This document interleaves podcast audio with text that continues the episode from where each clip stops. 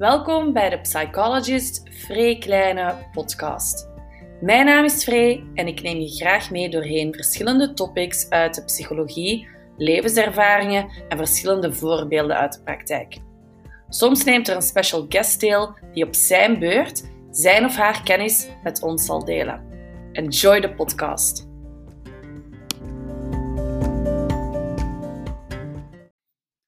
Hallo, fijn dat je weer luistert naar de Psychologist Vrij Kleine podcast. Welkom. Uh, vandaag wil ik het graag hebben over een uh, heel interessante vraag die ik heb binnengekregen.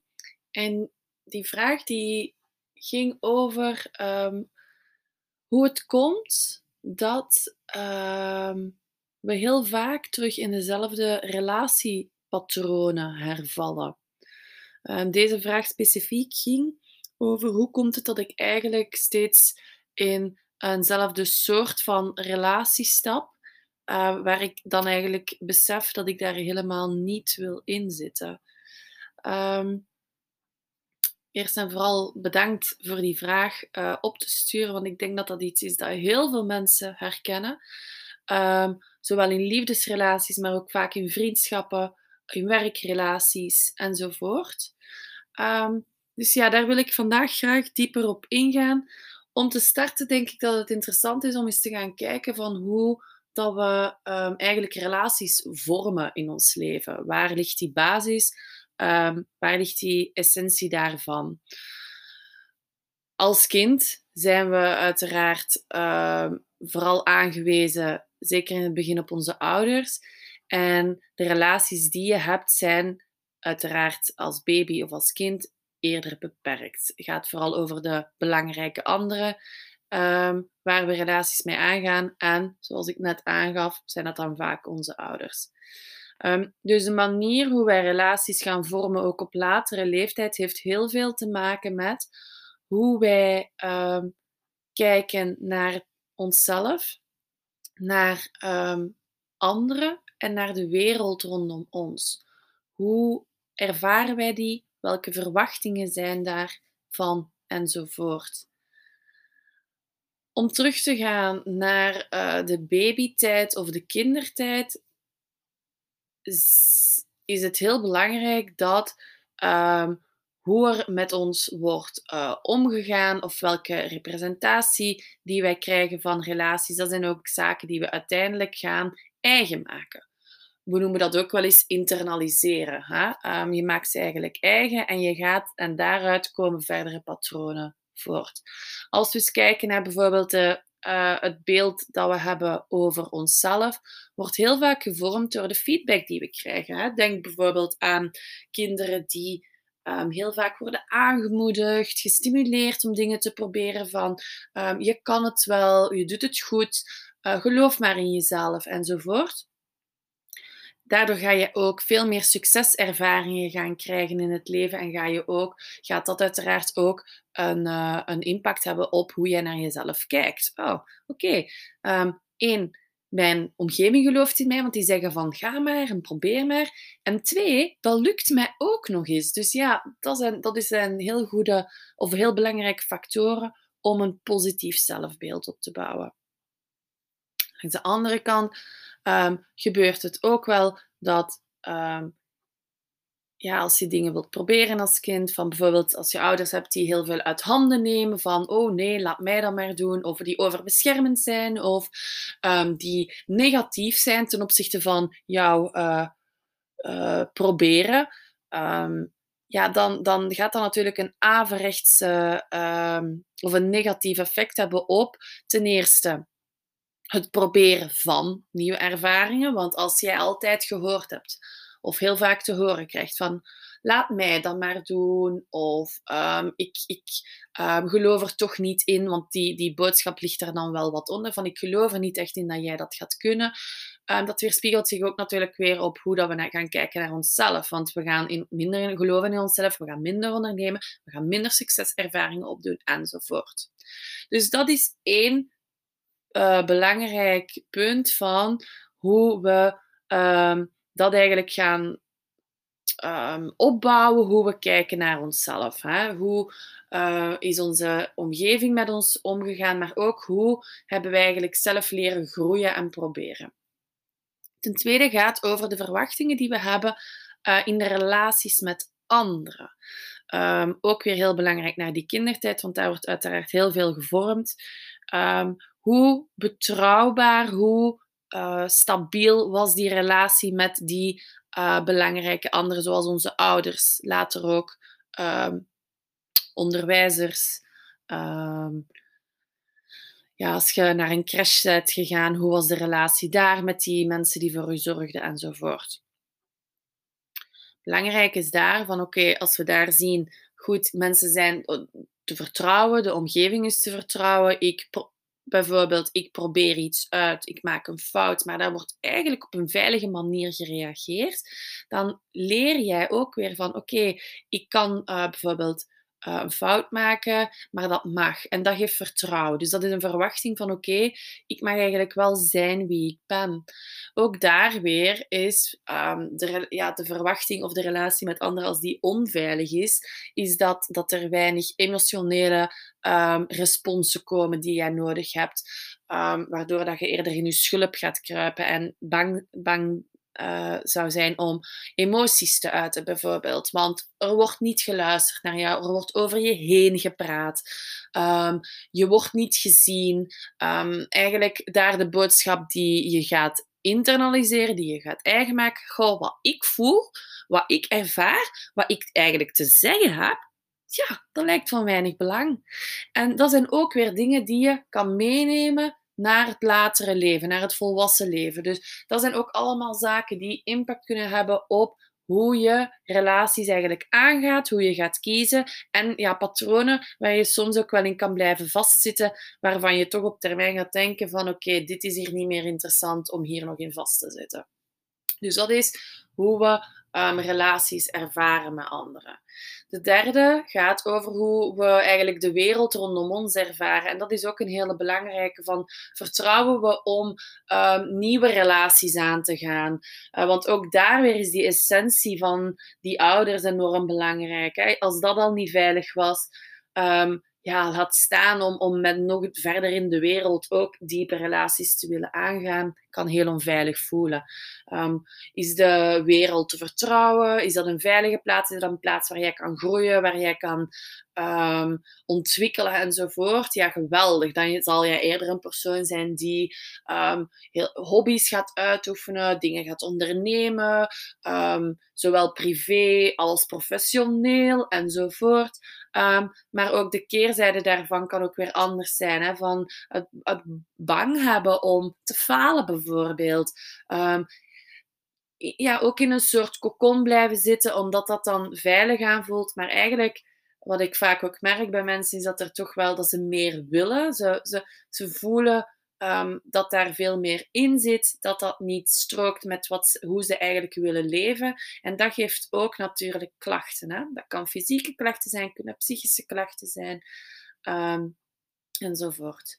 Dus dat zijn eigenlijk drie belangrijke dingen hoe relaties, um, of hoe, um, beter gezegd, hoe de manier hoe we relaties gaan aangaan later in het leven, waar dat die basis eigenlijk ligt. Eén, hoe we onszelf gaan ervaren, hoe we kijken naar onszelf, hoe we kijken naar relaties met anderen, wat we verwachten daarvan.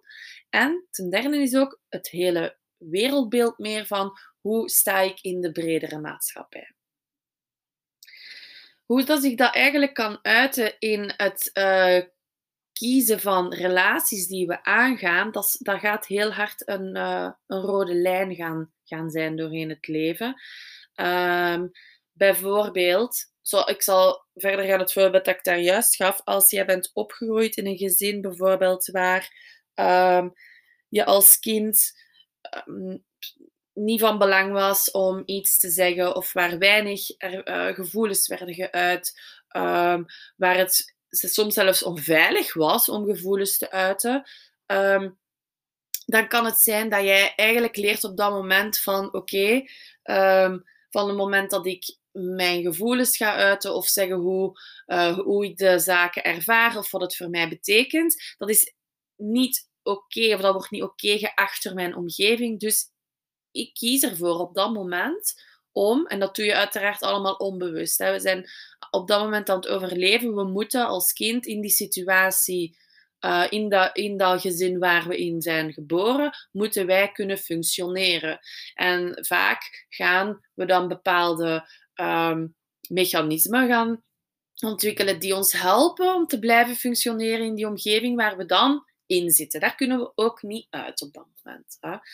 Um, dus als, jij, als dat iets is dat je hebt geleerd van oké, eigenlijk het uiten van wat ik wil, wat ik denk, wat ik voel, dat wordt niet aanvaard, dat is niet veilig, kan het echt zijn dat je gaat leren van goed, ik mag dit niet meer doen. Het is veiliger voor mezelf dat ik dingen opkroop, dat ik eigenlijk um, meer mijn focus leg op de buitenwereld dan op mezelf. Dus oké, wat kan ik doen om uh, moeder, vader, broer, zus enzovoort, om, om daar uh, die blij te houden en daar um, ja, toch wel te kijken dat er niet te veel misverstanden of struggles ontstaan tussen die relaties. Wat moet ik daarvoor doen? Oké, die en die en die zaken moet ik wegcijferen van mezelf en dan kunnen we wel weer functioneren. Als je daarnaar gaat kijken, ja, dat is een heel typisch voorbeeld van mensen die de neiging hebben om bijvoorbeeld te gaan pleasen om hun eigen noden, hun eigen verlangens vaak aan de kant te schuiven voor bijvoorbeeld hun partner of voor vrienden of ook in het werkvlak. Dus het kan op verschillende uh, domeinen uh, verder uh, zich uiten. Um, ik zou voor deze podcast mij een beetje meer willen focussen op het partnerschap of, of de partner kiezen, omdat daar ook de vraag over ging, um, dat het ging over liefdesrelaties. Dus vaak gaan we ook onbewust een bepaalde partner gaan kiezen. Uh, zeker als je merkt van, goh, ik zit vast in die patronen, is het echt een onbewust iets dat er aan het gebeuren is.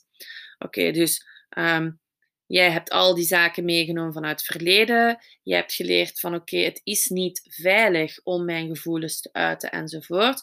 Onbewust ga je vaak een partner kiezen die eigenlijk emotioneel minder um, betrokken gaat zijn, die minder um, daarmee bezig is, die vaak ook minder emotionele diepgang heeft. Um, en dat kan wel eens heel moeilijk zijn, want eigenlijk kan het zijn dat jij die nood heel erg hebt om wel een emotionele connectie te voelen met iemand. En toch uh, gaan we onbewust vaak kiezen voor iemand die dan uh, emotioneel niet echt bereikbaar is. En dat, dat is hetgeen dat gaat wringen op termijn ook. Um, we gaan onbewust vaak patronen, mechanismen in stand gaan houden. En die zijn ook, die zijn ook soms en vroeger heel nuttig geweest. Hè? Laat ons dat vooral niet vergeten. En ons daar ook dankbaar voor zijn dat ons, onze geest dat doet voor ons. Omdat wij als kind moeten wij blijven functioneren binnen dat gezin hoe goed of zo slecht mogelijk. Maar daarom zijn die mechanismen opgebouwd. Maar natuurlijk later in het latere leven, als je uh, uit huis bent, je hebt je eigen gezin of je hebt je eigen leven gewoon opgebouwd, dan is het heel fijn om eens te gaan kijken, hé, hey, maar welke patronen wil ik graag meenemen? Maar welke patronen helpen mij op dit moment niet meer? En dan kan het heel bevrijdend zijn om daar ook inzichten in te krijgen en veranderingen in te krijgen. Um, dus oké, dus we gaan dat is het deel van hoe komt het eigenlijk dat ik uh, merk dat ik uh, herval in uh, de partners die ik eh, zoek of aantrek. Dat is het deel antwoord daarop van oké, welke patronen heb jij meegenomen uit je jeugd? Nu, um, hoe kan je daar eigenlijk mee aan de slag gaan? Hoe kan je daar verandering in brengen? Is één, uiteraard ja, dat inzicht krijgen. Hè? Dat is een hele belangrijke. Um, kijken van oké, van waar komt dat eigenlijk? Maar ook um, in welke relaties loop ik daar tegenaan?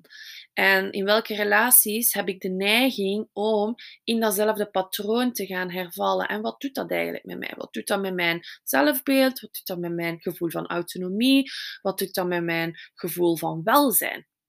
En van het moment dat je daar meer zicht op gaat krijgen, dat je eigenlijk gaat merken van, goh, eigenlijk in die uh, voorbeeld, in die relatie met die bepaalde uh, vriend, uh, merk ik dat ik toch wel ja, dat daar toch wel een hele disbalans is in de manier hoe um, ik mij voel ten opzichte van hem en hoe hij zich presenteert ten opzichte van mij. Bijvoorbeeld um, bedweterig, bazig, um, waarbij jij je dan ook klein gaat houden, bijvoorbeeld. Het is een relatie waar je niet in kan gaan groeien. Um, en dat kan ook soms wel een, een, best een confronterende vraag zijn, maar ik geloof wel een heel belangrijke vraag. Welke relaties uh, brengen mij de meerwaarde waar ik naartoe wil in het leven? Uh, naar de persoon die ik graag wil zijn. Um, dus ja, eens dat je die dingen eigenlijk wel wat duidelijk hebt voor jezelf, kan je echt bewust gaan kijken van oké, um, als we eens even terug gaan focussen op die partnerrelatie, van goed, wat vind ik eigenlijk in mezelf vanuit mijn essentie belangrijk binnen een relatie? Want bijvoorbeeld, om terug te komen op die emotionele betrokkenheid. Um, Oké, als kind heb je daar moeten overleven om um, te blijven of te blijven functioneren binnen dat gezin en weinig um, emotionele uiting kunnen doen.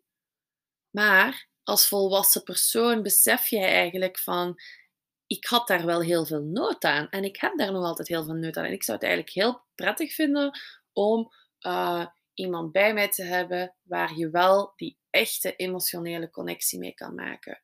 En dat is een heel belangrijk inzicht, want op die momenten kan je ook bewust jouw patroon en jouw mechanisme dat je als kind zo hard hebt opgebouwd, gaan veranderen. En heel bewust gaan kijken als je iemand uh, leert kennen, is dat nu in, in, in partners of in vriendschappen of op het werk, maar waar dat je echt meer dicht bij jezelf kan blijven staan. Dus uh, goede oefeningen daarvoor is het echt gewoon neerschrijven. Het gaan opschrijven van oké, wat herken ik bij mezelf um, en waar wil ik graag naartoe? En waar, um, wat is er belangrijk dat ik verander in relaties, maar ook in mezelf natuurlijk. Want weet wel dat alles uit jezelf komt naar de relaties die je gaat vormen of die je gaat kiezen in het leven. Dus ook daar is belangrijk van wat heb ik nodig om ook bij mezelf um, te gaan veranderen en uh, te gaan laten ontwikkelen. Dus zo. Um, dat was een beetje mijn uh, antwoord op de vraag die ik heb binnengekregen over uh, hoe komt het dat ik vaak in dezelfde relatiepatronen herval.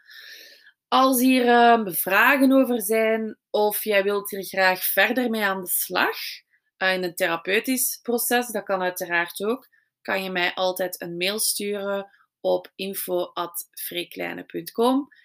En uh, ja, een, uh, een review of een, of een feedback over wat je vindt van de podcast is uiteraard ook altijd heel leuk. Zo, ik hoop dat jullie ervan hebben genoten. En tot de volgende keer. Bye bye.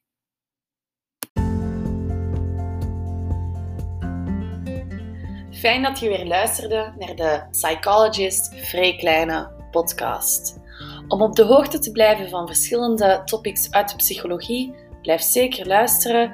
Deel mijn podcast met anderen waarvan je denkt dat ze er zeker baat bij kunnen hebben. Als je vragen hebt of er zijn topics die nog niet aan bod gekomen zijn en waar je graag meer over wil weten, stuur me gerust een mailtje op info.freekleine.com of als je graag een persoonlijk traject wilt starten, kan dat uiteraard ook. Er is altijd ruimte voor een vrijblijvend kennismakingsgesprek, waarna je nog altijd een verdere beslissing kan nemen. Tot snel, bye bye.